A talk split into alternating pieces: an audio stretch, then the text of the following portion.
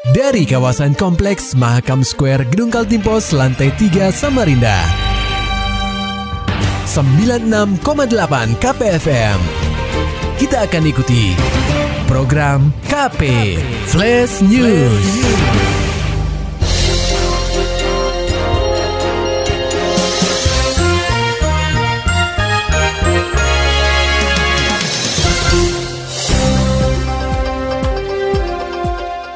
Anda sedang menyimak program KP Flash News bersama saya Agung Pratama. Dinas Penanaman Modal Pelayanan Terpadu Satu Pintu atau DPMPTSP Kaltim akan menindaklanjuti temuan laporan hasil keuangan Badan Pemeriksa Keuangan atau LHP BPK soal dana jaminan reklamasi atau jamrek. Soal temuan BPK perwakilan Kaltim ini, Kepala DPMPTSP Kaltim, Pugu Harjianto, menerangkan pihaknya telah merespon temuan tersebut untuk segera ditindaklanjuti. Ia mengatakan beberapa penempatan jamrek beserta dokumen memang masih berada di tangan kabupaten atau kota. Tidak adanya transisi data jamrek baik dari kabupaten ke provinsi, lalu dari provinsi ke pusat, menjadi kendala dari pihak DPMPTSP Kaltim.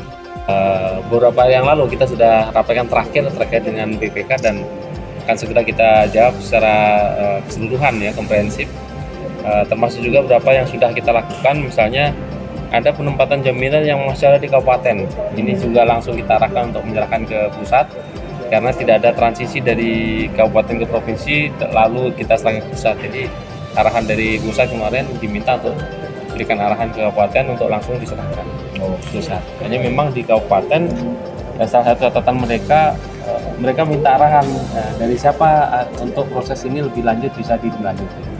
Dan memang ada datanya uh, di kabupaten memang masih tercatat.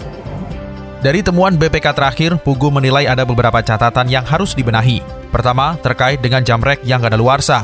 Pugu menyatakan pihaknya sudah melakukan beberapa langkah, di antaranya penyerahan seluruh dokumen jaminan, termasuk dokumen asli ke kementerian. Itu yang beberapa catatan. Yang pertama terkait dengan kadaluarsa BPMPTN sudah melakukan beberapa langkah. Yang pertama penyerahan uh, seluruh dari dokumen jaminan termasuk uh, dokumen asli ya ke kementerian.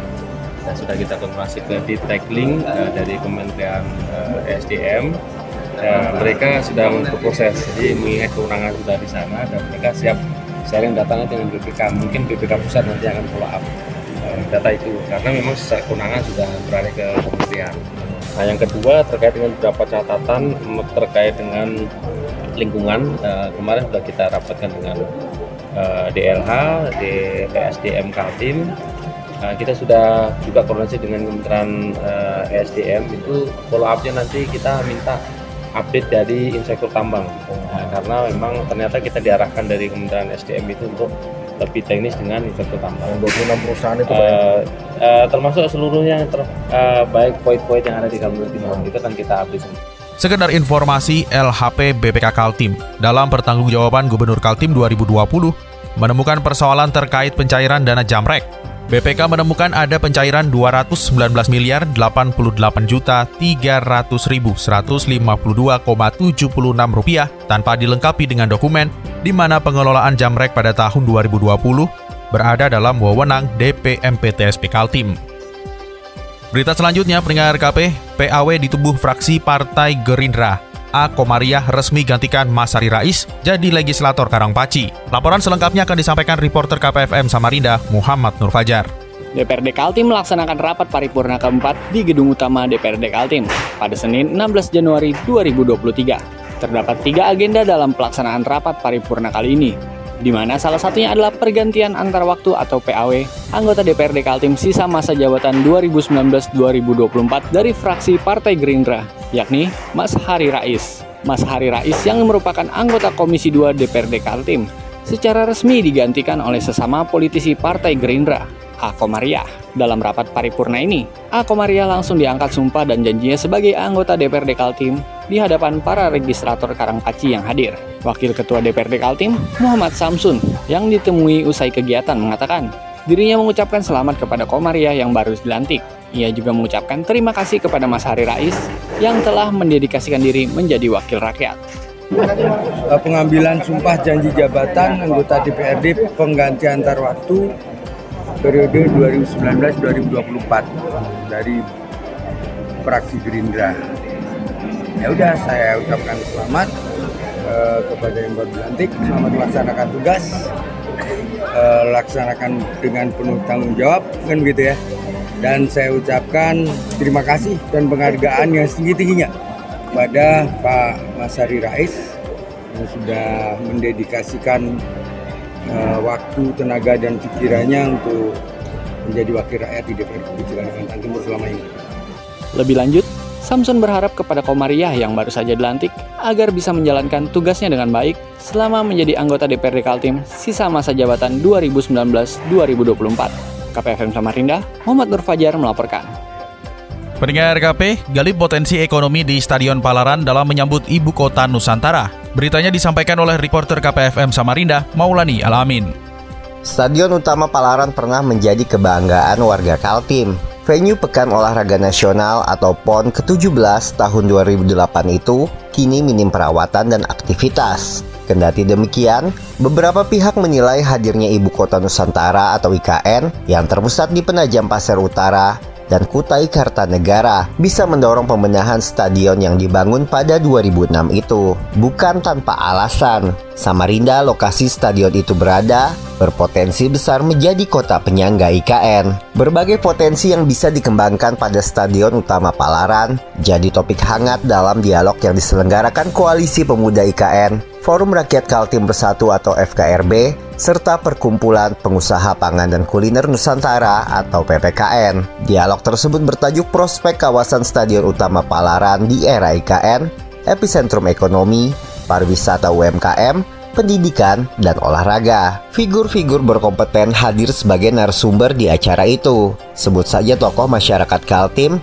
Irianto Lambri, kemudian Kepala Dinas Pemuda dan Olahraga Kaltim Agustianur, dan Kepala Dinas Pariwisata Kaltim Ahmad Herwansyah. Irianto Lambri mengawali diskusi dengan menyampaikan beragam pendapatnya. Menurut pria yang pernah menjabat Gubernur Kalimantan Utara itu, langkah awal membenahi Stadion Palaran adalah membentuk badan pengelola. Nah, badan pengelola ini personilnya bisa lintas OPD, lintas organisasi, yang unsur-unsurnya bisa melibatkan organisasi pemerintah maupun non pemerintah. Misalnya KONI bisa masuk di situ, unsur-unsur OPD terkait bisa masuk di badan pengelola. Tokoh-tokoh masyarakat, para pensiunan yang berpengalaman bisa dilibatkan. Terus apa pengusaha juga bisa masuk. Sehingga nanti badan pengelola ini menjadi memiliki kewenangan yang lebih luas dan bisa bermanuver untuk membenahi dan merevitalisasi lah yang lebih tepat kawasan stadion ini. Sementara itu, Kepala Dinas Pemuda dan Olahraga Kaltim Agustianur menyebutkan, Stadion Palaran masih menjadi pusat aktivitas olahraga di Kaltim. Pandangan orang selama ini bahwa stadion itu tidak terawat, amburadul, dan itu keliru. Iya, keliru. Saya katakan sekali keliru. Bukan ini pembelaan diri saya ya, ya. Tadi saya katakan, contoh misalnya setiap pop-pop, Iya. selam apa senam, selalu di pertandingan sana. Ya kalau itu tidak terawat dan berfungsi, tidak mungkin di pertandingan kan.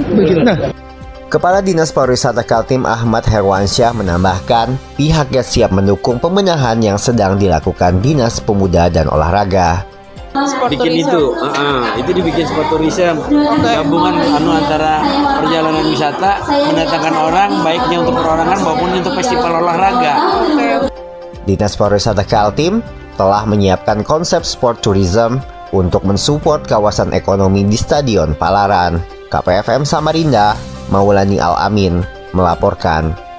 Sementara itu pendengar KP, Badan Pusat Statistik atau BPS melaporkan kinerja ekspor Kaltim secara bulanan mengalami penurunan pada November 2022. Kendati demikian, kinerja ekonomi Kaltim dipandang menunjukkan perbaikan karena nilai ekspor masih tinggi, seiring harga jual komoditas unggulan yang kuat. Nilai ekspor Kaltim tercatat 3,12 miliar US dollar, turun 4,11 persen dibanding Oktober 2022. Namun jika dibanding November 2021 nilainya naik 5,57 persen. Kepala BPS Kaltim Yusniar Juliana menerangkan ekspor migas maupun non-migas masing-masing menurun sebesar 0,28 persen dan 4,11 persen. Sehingga ekspor migas November 2022 tercatat sebesar 238,48 juta US dollar. Angka itu turun dari Oktober 2022 yang tercatat 239,15 juta US dollar. Sedangkan ekspor non-migas hanya sebesar 2.883,42 juta US dollar. Turun dari Oktober yang tercatat 3.016,52 juta US dollar. Yusniar Juliana menilai ekspor Kaltim masih tinggi bila dibandingkan tahun-tahun sebelumnya. Kontribusi per sektor pada November 2022, nilai ekspor migas berkontribusi sebesar 7,64 persen, Menurut Kepala BPS Kaltim Yusniar Juliana, ekspor utama Kaltim berasal dari usaha pertambangan dan penggalian, terutama komoditas batubara. Sektor ini masih mendominasi nilai ekonomi di benua etam. Maulani Alamin, Muhammad Nur Fajar, KPFM Samarinda. Serta dapatkan berita-berita selengkapnya di www.968kpfm.co.id. Demikian tadi telah kita simak rangkaian berita-berita yang terangkum dalam program KP Flash News. Persembahan dari 96,8 KPFM. Terima kasih dan sampai jumpa.